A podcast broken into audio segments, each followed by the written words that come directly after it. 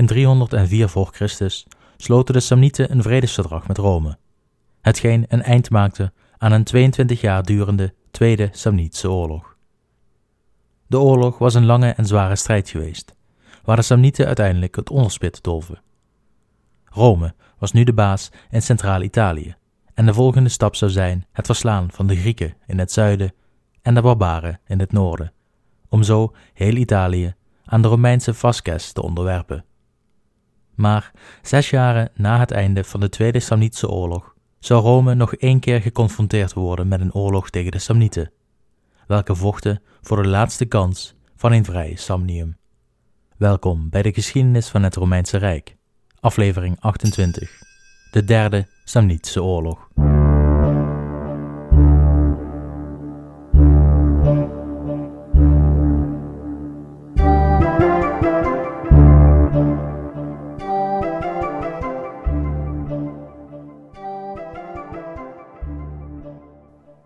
Rome's macht had zich in de derde eeuw voor Christus uitgebreid met eerst de verovering van Latium en met name de verovering van Veii. De steeds meer uitbreidende macht van Rome en de bemoeizucht hadden in 343 voor Christus de Eerste Samnitische Oorlog voortgebracht, wat leidde tot de toevoeging van een deel van Campanië bij het grondgebied van Rome. Twintig jaren later was het tijd voor een tweede conflict tussen de twee centrale grootmachten welke grote delen van Samnium en delen van Etrurië toevoegde bij Romeins grondgebied. Op dit punt in de geschiedenis verlieten we twee weken geleden Italië. Samnium, het thuisland van de Samnieten, gelegen in en rondom de zuidelijke Apennijnen, was door Rome door middel van stukje bij beetje veroveren, controleren en behouden, veroverd op de Samnieten. Het aanleggen van de Via Appia tussen Rome en Capua heeft hierin een grote rol gespeeld. De eerste steen van deze weg werd gelegd in 312 voor Christus, zo'n 14 jaren in het 22 jaren durende tweede conflict met de Samnieten. De Via Appia stelde de Romeinen in staat snel troepen te verplaatsen rondom Samnium en droeg daarmee bij aan een stabiele bevoorrading van de legioenen die Samnium introkken. Op deze manier wisten de Romeinen Samnium stukje bij beetje te veroveren en de bewegingen van de Samnieten te beperken. In 304 voor Christus was de situatie voor de Samnieten zo dramatisch geworden dat ze gedwongen werden om vrede voor te stellen aan Rome. De vrede die vervolgens overeengekomen werd, was er op papier een tussen gelijken, maar de praktijk bleek, net zoals ten tijde van de Latijnse Liga, een ander verhaal. Samnium moest dansen naar de pijpen van Rome, en het duurde dan ook niet lang alvorens er een moer ontstond onder de Samnitische leiders. In de jaren na het vredesverdrag besloot Rome om de expansie door middel van romanisering compleet te maken. Men stuurde duizenden Romeinse burgers naar de net veroverde gebieden om in de reeds bestaande steden aldaar Romeinse kolonies op te richten. Livius schrijft over meerdere steden, zowel Etruskische, Samnitische als Volskische steden, waar Romeinse kolonisten werden geplaatst om de boel onder controle te houden en als neveneffect de ongeciviliseerde cultuur van de overwonnenen te introduceren tot de Romeinse cultuur. Rome zag Samnium en Etrurië als rechtmatig verkregen Romeins grondgebied, en dus werden alle zeilen bijgezet om deze gebieden zo snel mogelijk te romaniseren. In Samnium werd langzamerhand ook duidelijk dat Rome een ideaal had gezet om het volledige Italiaanse schiereiland als haar eigen grondgebied te verkrijgen. Het gesloten verdrag met Rome zou betekenen dat Samnium troepen moest gaan leveren aan Rome, om Romeinse oorlogen uit te vechten over land waar de Samnieten de vruchten nooit van zouden mogen plukken. Hier hadden de Samnieten begrijpelijkerwijs weinig trek in. Ze hadden net een ondubbelzinnig verlies geleden en ze hadden een voor hen ongewenst verdrag moeten sluiten, opdat ze nog enige vrijheid zouden kunnen behouden. En dan zouden ze enkele jaren erna troepen moeten leveren om nog meer volkeren in hetzelfde lot als dat van hen te brengen. Langzaam maar zeker begon het besef in te dalen dat wanneer Samnium niet zou doen aan haar situatie, zij door middel van migratie en culturele assimilatie zouden verdwijnen in een voetnoot van de Romeinse geschiedenis. Een gedachtegang waarvan we nu met de kennis van vandaag kunnen zeggen dat deze volkomen terecht was. Het is een tactiek die de Romeinen massaal inzetten in de periode van snelle expansie die komen gaan. En het siert mijns inziens de Samnieten dat zij dit gevaar in een dergelijk vroeg stadium al benoemden. Maar wat konden de Samnieten doen aan hun penibele situatie? Feit blijft dat een groot deel van het oorspronkelijke grondgebied bezet werd door de vijand. Dat ze de wapens hadden moeten inleveren bij het sluiten van het verdrag, dat ze geen eigen leger mochten hebben en dat ze zodanig verzwakt waren door de verloren oorlog met Rome, dat de kans dat Rome hen met twee vingers in hun neus nogmaals zouden verslaan één reële was. Om deze reden besloten de Samnieten om niet direct oorlog te verklaren aan Rome, maar om te beginnen met een geheime campagne om directe buurmogendheden van Rome te ronselen voor de strijd die zou losbarsten. Te beginnen met de Etrusken. De eens zo machtige Etrusken waren al jaren het slachtoffer van agressieve buren. Hun landen hadden eens uitgestrekt vanaf Zuid-Campanië tot aan de Po-vallei in Noord-Italië. Eerst verloren ze Campanië aan de Samnieten en Grieken. De Po-vallei werd binnengevallen door hordes migrerende barbaren en het dichtst bij huis waren het de Romeinen geweest, die een van de twaalf hoofdsteden van Etrurië, namelijk Veii, hadden veroverd. Het gebied dat onder Etruskisch gezag stond, werd al maar kleiner, en het verlangen de macht te herstellen brandde hevig in de harten van de Etrusken. Er was dan ook weinig of zelfs geen aanmoediging nodig van de Samnieten om akkoord te gaan met een coalitie tegen Rome. Terwijl de Samnieten hun tocht langs Rome's buren vervolgden, begonnen de Etrusken met de voorbereidingen van de oorlog tegen Rome. Rome had een kolonie opgezet in Umbrië, vlak aan de grens met Etrurië, en dit zou de spreekwoordelijke druppel zijn geweest die de boel liet overlopen. Terwijl de Etrusken hun legers hadden verzameld en naar Romeins grondgebied vertrokken, verscheen er, volledig onverwacht, een horde aan barbaren van de Senones aan de noordoostgrens van Etrurië. Dit waren dezelfde barbaren die zo'n 90 jaren eerder Rome hadden geplunderd. En ook nu waren hun intenties allesbehalve vreedzaam. Volledig verrast en niet bij machten om een dergelijk groot invasieleger te kunnen bevechten, werd de oorlog met Rome voor nu in de wacht gezet. En werd er eerst onderhandeld met de Senones. De Etrusken stuurden gezanten naar de barbaren om een afkoopsom te onderhandelen. Geld hadden de Etrusken in overvloed, in tegenstelling tot soldaten. Er werd een overeenkomst onderhandeld, waarbij de Etrusken een hele grote som aan goud betaalden aan de Senones. Naast dat er werd onderhandeld over het goud, bedachten de Etrusken dat de Senones nog wel eens bruikbaar zouden kunnen zijn in de oorlog met Rome. Ze vroegen de barbaren of ze wellicht geïnteresseerd waren om Rome aan te doen en een herhaling van zo'n 90 jaren eerder voor elkaar te krijgen. De Senones waren hierin best geïnteresseerd, maar ze hadden niet alleen plunderingen op de agenda staan. Ze wilden een vast gebied waar ze konden leven, in plaats van het plunderen van de ene naar de andere plek, zoals ze nu moesten doen. Als ze akkoord zouden gaan, wilden ze in ruil daarvoor een deel van het Etruskisch grondgebied hebben, waar ze in vrede hun dagen konden doorbrengen. Hiermee konden de Etrusken niet akkoord gaan. Het was hun doel om hun grondgebied te vergroten, naar de gloriedagen van vroeger. Het afgeven van kostbaar gebied droeg niet bij aan deze doelstelling.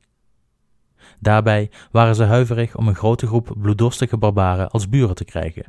En dus kwam er geen akkoord en werd er slechts een groot geldbedrag betaald om de Senones terug te laten keren naar waar ze vandaan kwamen. Het jaar waarin dit allemaal zich afspeelde was het jaar 299 voor Christus, één jaar voor het uitbreken van de derde Samnitische oorlog. Ook in Rome waren de berichten doorgecijpeld dat er een grote groep Senones in Etrurië waren gezien en dat ze onverrichter zaken waren vertrokken. Waarheen was onbekend, maar uiteraard kwamen de doemscenario's wederom opzetten in de hoofden van de Senaat. Dienden de barbaren als huurlingen om Rome aan te vallen. De intenties van de Etrusken waren al in tijd duidelijk voor Rome, maar echt druk hadden ze zich er nog niet om gemaakt. Maar nu, met deze horde barbaren in het spel, veranderde de situatie. Er werd een verdrag gesloten met een andere groep Galliërs, de Piceners. De Piceners waren ook Galliërs, welke gemigreerd waren vanuit Frankrijk om zich te vestigen aan de Adriatische kust, naast de Senones. De Piceners hadden ten noorden de Senones als buren, en ten zuiden een Oskisch volk, welke inmiddels ook hun hulp aan Samnium hadden toegezegd. Er werd daarom een verdrag gesloten tussen Rome en de Piceners, waarbij zij elkaar zouden beschermen in het geval van een aanval door de vijand. De details van het verdrag zijn onbekend, maar deze overeenkomst lijkt mij het meest logische in de situatie zoals deze toentertijd was. Nu Rome een bondgenoot had aan de grens met de Senones en de horde barbaren niet op Rome bleken te marcheren, was het tijd om de Etrusken nog eens te laten merken wie de meester van Centraal-Italië was. Een van de consuls van dat jaar was Titus Manlius Torquatus, de kleinzoon van de reeds eerder genoemde en dezelfde naam dragende Titus Manlius Torquatus, de man die zijn eigen zoon en de vader van deze Titus had laten executeren om het negeren van een bevel. Hij kreeg van de Senaat de zeggenschap over een consulair leger. En terwijl hij zich klaarmaakte om Etrurië binnen te marcheren, kwam hij ongelukkig ten val van zijn paard en stierf aan zijn verwondingen. Als vervangend consul werd vervolgens nog iemand met een naam die we al kennen aangesteld. Het was Marcus Valerius Corvus, de man die met behulp van een raaf een gigantische gallier wist te verslaan en zo zijn cognomen Corvus verkreeg. Hij leidde het leger uiteindelijk Etrurië binnen en verwoestte de landbouwgronden van de Etrusken. De Etruriërs, nu in de situatie dat hun eigen land in gevaar was gekomen, verscholen zich achter de hoge stadsmuren. Het kwam in dat jaar niet tot een gevecht tussen de legers van beide mogendheden, en de Romeinen plunderden naar hartelust. De verwoesting bleef volgens Livius geen enkel dorp of boerderij bespaard, maar de Etrusken bleven verscholen, waarna de consul terugtrok naar Rome. Terwijl Marcus Valerius Corvus in Etrurië aan de gang was geweest, kwam er een delegatie aan in Rome van de Piceners, met de waarschuwing dat nu ook de Samnieten voorbereidingen aan het treffen waren voor de oorlog, en dat zij benaderd waren door de Samnieten om zich bij hen aan te sluiten. In het daaropvolgende jaar, in 298 voor Christus, kwam er nog een delegatie naar Rome, ditmaal van de Lucaniërs, een volk in het zuiden van Italië, waar de Samnieten meermaals mee hadden gestreden om grondgebied in het zuiden. De Lucaniërs vertelden dat de Samnieten in het geheim een leger hadden verzameld en dat zij hiermee het grondgebied van de Lucaniërs waren binnengevallen en deze hadden geplunderd. Ze vroegen om een alliantie met Rome, opdat zij bescherming zouden krijgen tegen de Samnieten. Uiteraard ging Rome akkoord met dit voorstel, daar het hen nog een reden gaf om Samnium te manen te stoppen met hun militaire ambities. Zo gezegd, zo gedaan. En er werden priesters naar Samnium gestuurd met als doel de Samnieten een halt toe te roepen. De priesters werden echter opgewacht door Samnitische gezanten, en aan hen werd verteld dat wanneer zij voet zouden zetten in een van de raadshuizen, zij hun veiligheid niet meer zouden kunnen garanderen. Oftewel, keer onverrichter zaken terug naar Rome, of bekoop je bezoek met de dood. Toen nieuws van dit incident de Senaat in Rome bereikte, was men woedend over de manier van onrespectvol handelen tegen een overheerser. Men besloot unaniem de oorlog aan Samnium te verklaren. Dit gebeurde in 298 voor Christus. Nadat er twee nieuwe consuls waren verkozen, werden de legers opgedeeld in twee. Twee consulaire legers werden ieder één kant opgestuurd. Eén leger trok naar het noorden richting Etrurië en de ander richting het zuiden naar Samnium. Wederom zagen de Romeinen de aandacht verdeeld over twee fronten, en wederom wisten ze aan beide fronten de overhand te behalen. In Etrurië bleken de Etrusken inmiddels bereid tot een gevecht. De Romeinen kwamen ze opgesteld in gevechtsformatie tegen in de buurt van de Etruskische stad Volterrae. Het gevecht dat hier plaatsvond was een bloedige. Aan beide kanten vielen veel slachtoffers en een beslissing bleef uit, tot aan het ondergaan van de zon, hetgeen een einde maakte aan het gevecht. Terwijl de Romeinen zich afvroegen of ze de volgende dag als overwinnaar of als verliezer het slagveld zouden verlaten, bleek bij het ochtendlicht dat het kamp van de vijand verlaten was. De Etrusken waren tijdens de nacht haastig hun kamp ontvlucht en hadden hiermee hun nederlaag toegegeven. Het kamp werd ingenomen en er werd een grote hoeveelheid oorlogsbuit buitgemaakt.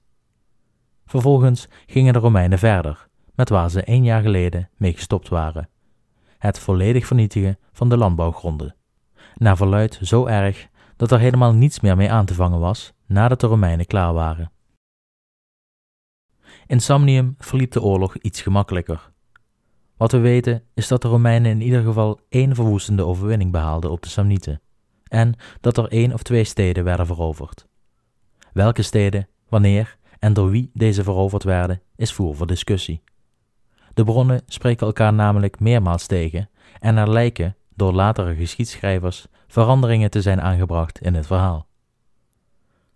Hoe het ook zij, er werd een zware klap uitgedeeld aan de Samnieten, en beide consulaire legers trokken terug naar Rome.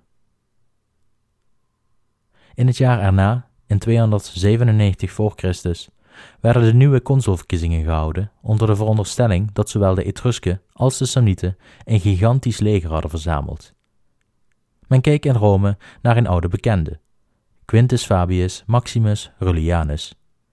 Hij was inmiddels al een oude man, maar wel de meest ervaren generaal die de Romeinen tot hun beschikking hadden. Hij had zich echter niet verkiesbaar gesteld en weigerde in eerste instantie dan ook de handschoen op te nemen. Hij wilde het doen onder één voorwaarde: dat Publius Decius Mus zijn co-consul zou worden. Niet de Publius Decius Mus die zichzelf opofferde in de Latijnse oorlog, maar zijn zoon met dezelfde naam. De twee hadden al eerder succesvol samen als consuls geregeerd. Net na deze aanstelling kwam er een geruststellend bericht Rome binnen. Men vernam van koloniën in Romeinse Etrurië dat de Etrusken vrede zochten. De plunderingen en de daarmee gepaarde economische malaise had haar vruchten afgeworpen. Dit bericht zorgde ervoor dat Rome zich weer kon richten op één front, en beide legers werden vervolgens naar Samnium gestuurd, ieder via een andere kant. Een groot gevecht bleef echter uit de gecombineerde kracht van beide legers, in totaal vier legioenen die bij elkaar zo'n 12.000 soldaten telden, exclusief geallieerde soldaten, was te veel voor de Samnieten om in hun eentje te bevechten. Buiten enkele kleine schermutselingen is er eigenlijk niet veel actie te bespeuren in Samnium. De landbouwgrond werd verwoest, maar verder is er niet veel te melden over dit jaar van de oorlog. De oorlog vloeit over in het volgende jaar. 296 voor Christus, wanneer er wederom nieuwe consuls gekozen moeten worden. Ditmaal zijn Appius Claudius van de Via Appia en Lucius Volumnius Flamma de gelukkige. Daarnaast bleven ook de andere twee consuls in dienst. Hun termijn werd met zes maanden verlengd om de oorlog tot een goed eind te brengen. Rome had nu dus twee consuls en twee proconsuls. Tijdens de verlengde termijn van de vorige consuls was het Publius Decius gelukt de Samnitische strijdkrachten weg te jagen uit Samnium, door ze constant achterna te zitten en al het land dat hij tegenkwam onbruikbaar te maken. Er was niet meer voldoende voedsel en voorraden voor een dergelijk leger om in Samnium te kunnen blijven. En daarbij was er geen gebied meer over om zich schuil te houden en konden ze niet in hun eentje op tegen de Romeinen, welke met één consul en twee proconsuls aanwezig waren in Samnium. De Samnieten kozen er daarom voor om al hun soldaten weg te sturen uit Samnium, in een ontsnappingspoging, om in Etrurië aan te komen. Zo hoopten ze de Etrusken over te halen de wapens wederom op te pakken, en daarbij was Rome vanuit Etrurië veel makkelijker te bereiken dan via Samnium. Men hoefde immers alleen een stuk van Romeins Etrurië te doorkruisen om bij Rome aan te komen. In de tussentijd konden de consuls in Samnium hun gang gaan.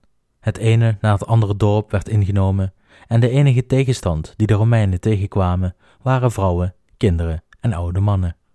Samnium lag nu volledig voor het grijpen. In de tussentijd kwamen uit het noorden berichten dat de Samnieten aldaar het voor elkaar gekregen hadden alle Etruskische steden de oorlog te laten verklaren aan Rome. Zelfs Umbriërs, boos over de gestichte kolonie aan hun kant van de grens, sloten zich bij hen aan. Er waren zelfs geluiden dat de Galliërs werden betaald om te vechten in de vijandige legers. De consul Appius Claudius werd met een leger van twee legioenen aan 6000 soldaten en 15.000 soldaten gerekruteerd uit de bondgenoten, oftewel auxiliarietroepen, naar het Geurige gestuurd om orde op zaken te stellen. Zijn campagne verliep echter stroefjes hij kreeg meerdere tegenslagen te verduren en het vertrouwen van zijn mannen verloor hij. Wat er vervolgens gebeurde is niet geheel duidelijk. Maar het verhaal gaat dat de andere consul, Lucius Volumnius Flamma, een brief ontving van Appius Claudius, dat hij zich zo snel mogelijk naar Etrurië moest maken. Toen Lucius met zijn leger aankwam in Etrurië en zich bij Claudius voegde, ontkende Claudius een brief te hebben geschreven. Hij had de hulp van Lucius, een simpele plebejer, helemaal niet nodig en stuurde hem terug naar Samnium. Lucius vond echter dat er in Samnium niets anders te halen viel dan vrouwen en oude mannen. De oorlog zou beslist worden in Etrurië, en hij vatte de afwijzing van Claudius op als zijnde ondankbaar. Hij kwam Claudius te hulp, maar hij weigerde. Het waren dan ook de soldaten van Appius Claudius die eerst smeekten en toen dat niet bleek te werken, eisten dat Lucius in Etrurië zou blijven. Appius had geen keus, en uiteindelijk gingen de twee zij aan zij de strijd aan. Het gevecht dat volgde bleek minder zwaar dan was geanticipeerd. De Romeinen waren in aantal zoveel sterker dan de vijand dat het gevecht al snel een Romeinse overwinnaar opleverde. Duizenden vijanden werden gedood of gevangen genomen. Meteen na het gevecht spoedde Lucius zich terug naar Samnium. Niet omdat daar een groot vijandelijk leger was opgedoken, maar meer om de praktische reden dat de verlengde termijn van de vorige consuls tegen het einde aanliep. In Samnium hadden de Samnieten toch weer een klein leger op de been weten te brengen. Met het leger waren ze vervolgens Campanië binnengevallen om te plunderen en de buit mee terug te nemen naar huis. Dit lukte slechts voor de helft, want toen het leger terug Samnium introk, wist Lucius en zijn leger hen te onderscheppen. Het leger werd uiteengeslagen en de buit werd teruggebracht naar Campanië. Intussen werd er in Rome een cadeau bezorgd. Gevangenen van de Samnieten was het in de nacht gelukt te ontsnappen uit hun cellen om vervolgens de tent van de Samnitische generaal in te sluipen. Ze ontvoerden hem in het diepst van de nacht het kamp uit, om ze aan de Romeinen over te leveren. Met de Samnieten in Samnium zo goed als verslagen, stichtten de Romeinen enkele kolonies in het net veroverde deel van Samnium. Het verzet in Samnium was dan wel gebroken, maar het feit dat de Samnieten in staat waren gebleken een leger op te roepen om Campanië mee aan te vallen, zorgde voor grijze haren bij de Romeinen. Daarbij kwam ook nog eens nieuws uit Etrurië. Het verliezen van de Samnitische generaal bleek een geluk bij een ongeluk. Het geval was namelijk dat de Samnitische soldaten die nog in Etrurië waren, zich nu in dienst stelden van de Etrusken. Naast de Samnieten bleken ook de Umbriërs opnieuw een duit in het zakje te doen, en alsof dat nog niet genoeg was, hadden Galliërs uit de Povellei zich aangeboden als huurlingen. Aangezien Etrurië nog steeds een zeer vermogende staat was, werden deze huurlingen gebruikt om de legers gigantisch uit te breiden. Rome stond nu tegenover vier vijanden, die de krachten hadden gebundeld in Etrurië. Wederom stonden er verkiezingen voor de deur, en wederom werden Quintus Fabius Maximus Rullianus en Publius Decius Mus verkozen als consuls. Quintus had wederom bezwaren tegen zijn aanstelling. De vorige keer had hij al met tegenzin de functie vervuld, en ook deze keer sloeg hij liever over. Maar de publieke druk aan de vooravond van deze beslissende slag liet hem toch weer van gedachten veranderen. Als aanvulling werd de termijn van Lucius Volumnius Flamma verlengd met nog een jaar. Rome had dus nu één consul en twee proconsuls. Dit was in het jaar 295 voor Christus. Alle vijanden van Rome stonden aan de noordkant van de grens verzameld. Dit zou de alles beslissende veldslag worden die Rome moest winnen. Wonnen ze niet, dan lag de weg naar Rome open en al haar rijkdommen voor het oprapen. Het trauma van de plundering zo'n 90 jaren eerder lag vers in het geheugen. Dit was het moment om Rome's glorie te verdedigen. Er werd, met het oog op de grootte van het vijandelijke leger in Etrurië, gekozen om te proberen de troepen van de Etrusken te verdelen. De twee proconsuls werden naar Etrurië gestuurd. En de consul werd naar Samnium gestuurd, in de hoop dat een nieuwe ronde aan plunderingen ervoor zou zorgen dat het leger van de Etrusken werd opgesplitst om in Samnium te hulp te schieten. De Etrusken hadden echter eenzelfde plan. Ook zij splitsten het leger op. De Galliërs werden naar de Etruskische stad Clusium gestuurd, waar een groep Romeinse soldaten in de buurt gestationeerd waren in een kamp. In het diepst van de nacht vielen de Galliërs het kamp aan, en de verrassing bleek een groot succes. Geen enkele Romein overleefde de slachting. Het plan van de Etrusken was om vervolgens de Apennijnen over te steken, om in Romeinse Etrurië uit te komen. Aldaar zouden zij zich splitsen. De Samnieten en de Galliërs zouden de Romeinen aanvallen en de Etrusken en Umbriërs zouden in de tussentijd het Romeinse kamp aanvallen. Het plan was slim. De Romeinen hadden geen idee dat hun garnizoen nabij Clusium verloren was. En juist dit garnizoen moest het gebied in de gaten houden voor vijandelijke bewegingen richting Rome. De Romeinen zouden volledig verrast worden. Was het niet voor één inwoner uit Clusium die de Romeinen waarschuwde voor het plan? Bij het horen van het vijandelijke plan liet Quintus Fabius direct versterkingen komen vanuit Rome. Twee praetors, die bezwaard waren Rome te beschermen, marcheerden met de reservetroepen direct richting Clusium, de vijandelijke legers ontwijkend, om de stad te belegeren en al het landbouwgrond en de boerderijen rondom te vernietigen. Wederom in een poging om de Etrusken op twee plaatsen tegelijk bezig te houden, zodat ze het plan niet konden uitvoeren. Het Romeinse plan werkte. En de Etrusken trokken samen met de Umbriërs terug naar Clusium om de stad te bevrijden. De Galliërs en de Samnieten bleven over, en zij namen het op tegen de Romeinen. De strijd vond plaats nabij Sentinum, tegenwoordig Sassoferrato. De gezamenlijke legers zullen vele tienduizenden mannen geteld hebben. Het was de grootste slag die Rome tot dan toe had uitgevochten en het ging zeker niet van een leien dakje. De twee legers kwamen aan op de vlakte van Sentinum, maar ze wachten twee dagen voordat ze tegen elkaar vochten. Uiteindelijk, niet in staat om de gretigheid van hun troepen te beheersen, vielen de Romeinen aan. De Galliërs stonden aan de rechterflank en de Samnieten links. Aan de Romeinse zijde had Quintus Fabius de rechterflank en Publius Decius de linker. Quintus Fabius vocht defensief om van de strijd een test van uithoudingsvermogen te maken en te wachten tot de vijand zou terugtrekken uit vermoeidheid. Publius Decius vocht agressiever en beval een cavalerieaanval, die de Gallische cavalerie tweemaal wist terug te drijven. De tweede keer bereikten ze zelfs de vijandelijke infanterie, maar ze werden ineens gecounterd door een strijdwagenaanval. Ze raakten verspreid en werden vervolgens gemakkelijk verslagen. De linie van de infanterie van Decius werd doorbroken door de strijdwagens en een massale aanval van de Gallische voetsoldaten volgde. Publius Decius zag dat zijn flank op het punt stond te breken, en hij besloot, in het licht van zijn vader, zich op te offeren aan de goden, om zo zijn soldaten de overwinning te brengen. Net zoals zijn vader dat vijftig jaar eerder had gedaan, bij de slag bij de Vesuvius. Hij hulde zich in een religieus kleed, alvorens de linie van de vijand in te galopperen en te sterven in de strijd voor zijn stad en zijn soldaten. De linkerflank herpakte zich door de daad van Decius, en met hulp van de praetors, die vanuit Clusium te hulp waren geschoten met hun leger, wisten ze de aanval te weerstaan. Ze hielden voor nu nog stand.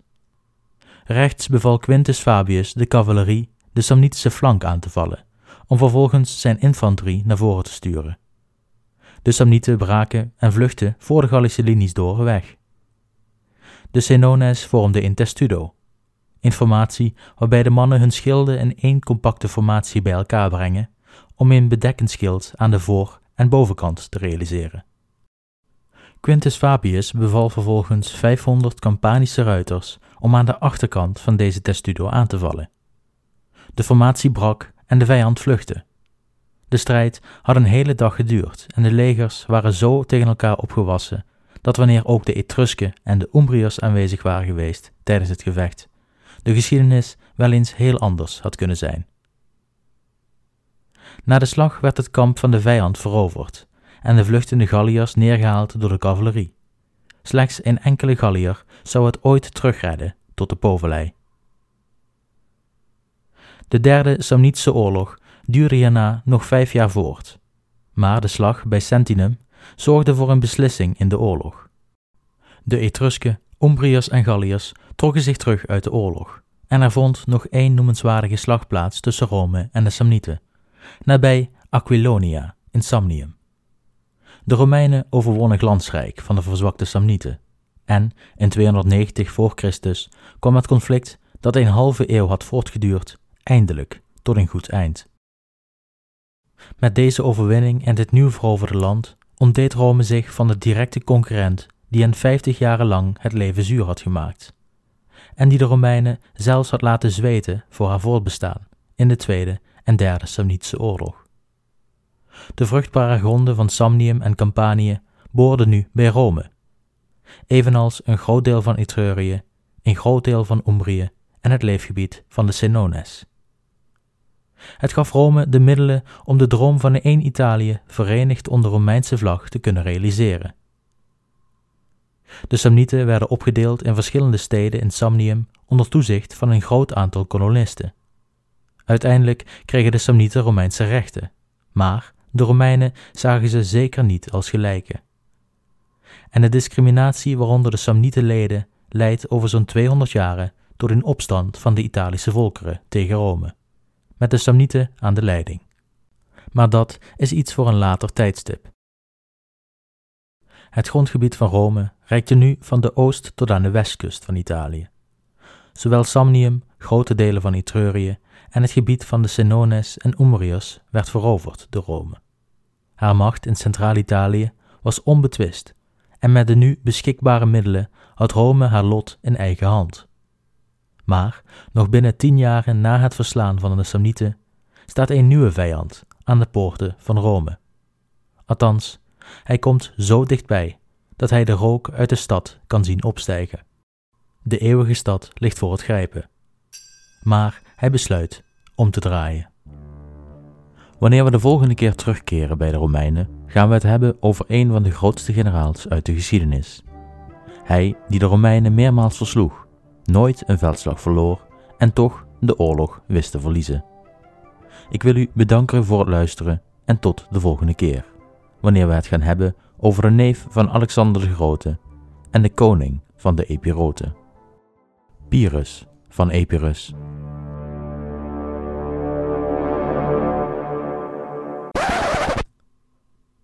Hallo, daar ben ik nog even met een mededeling.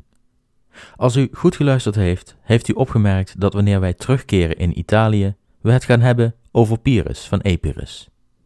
Maar voor de volgende aflevering verlaten wij Italië voor eventjes. Om het in een speciale aflevering, of misschien zelfs meerdere afleveringen, te gaan hebben over die andere, allergrootste generaal uit de geschiedenis. Alexander de Grote. Over zijn leven, zijn campagne, zijn dood en de wereld zoals hij deze aantrof en achterliet. In voorbereiding op de te komen afleveringen is het essentieel dat we begrijpen wat er aan de andere kant van de Adriatische kust zich heeft afgespeeld. Ik kijk er naar uit u te vertellen over het mooie verhaal van Alexander. En ik hoop u ook. Dit is dan echt het einde van deze aflevering. Bedankt voor het luisteren en tot over twee weken.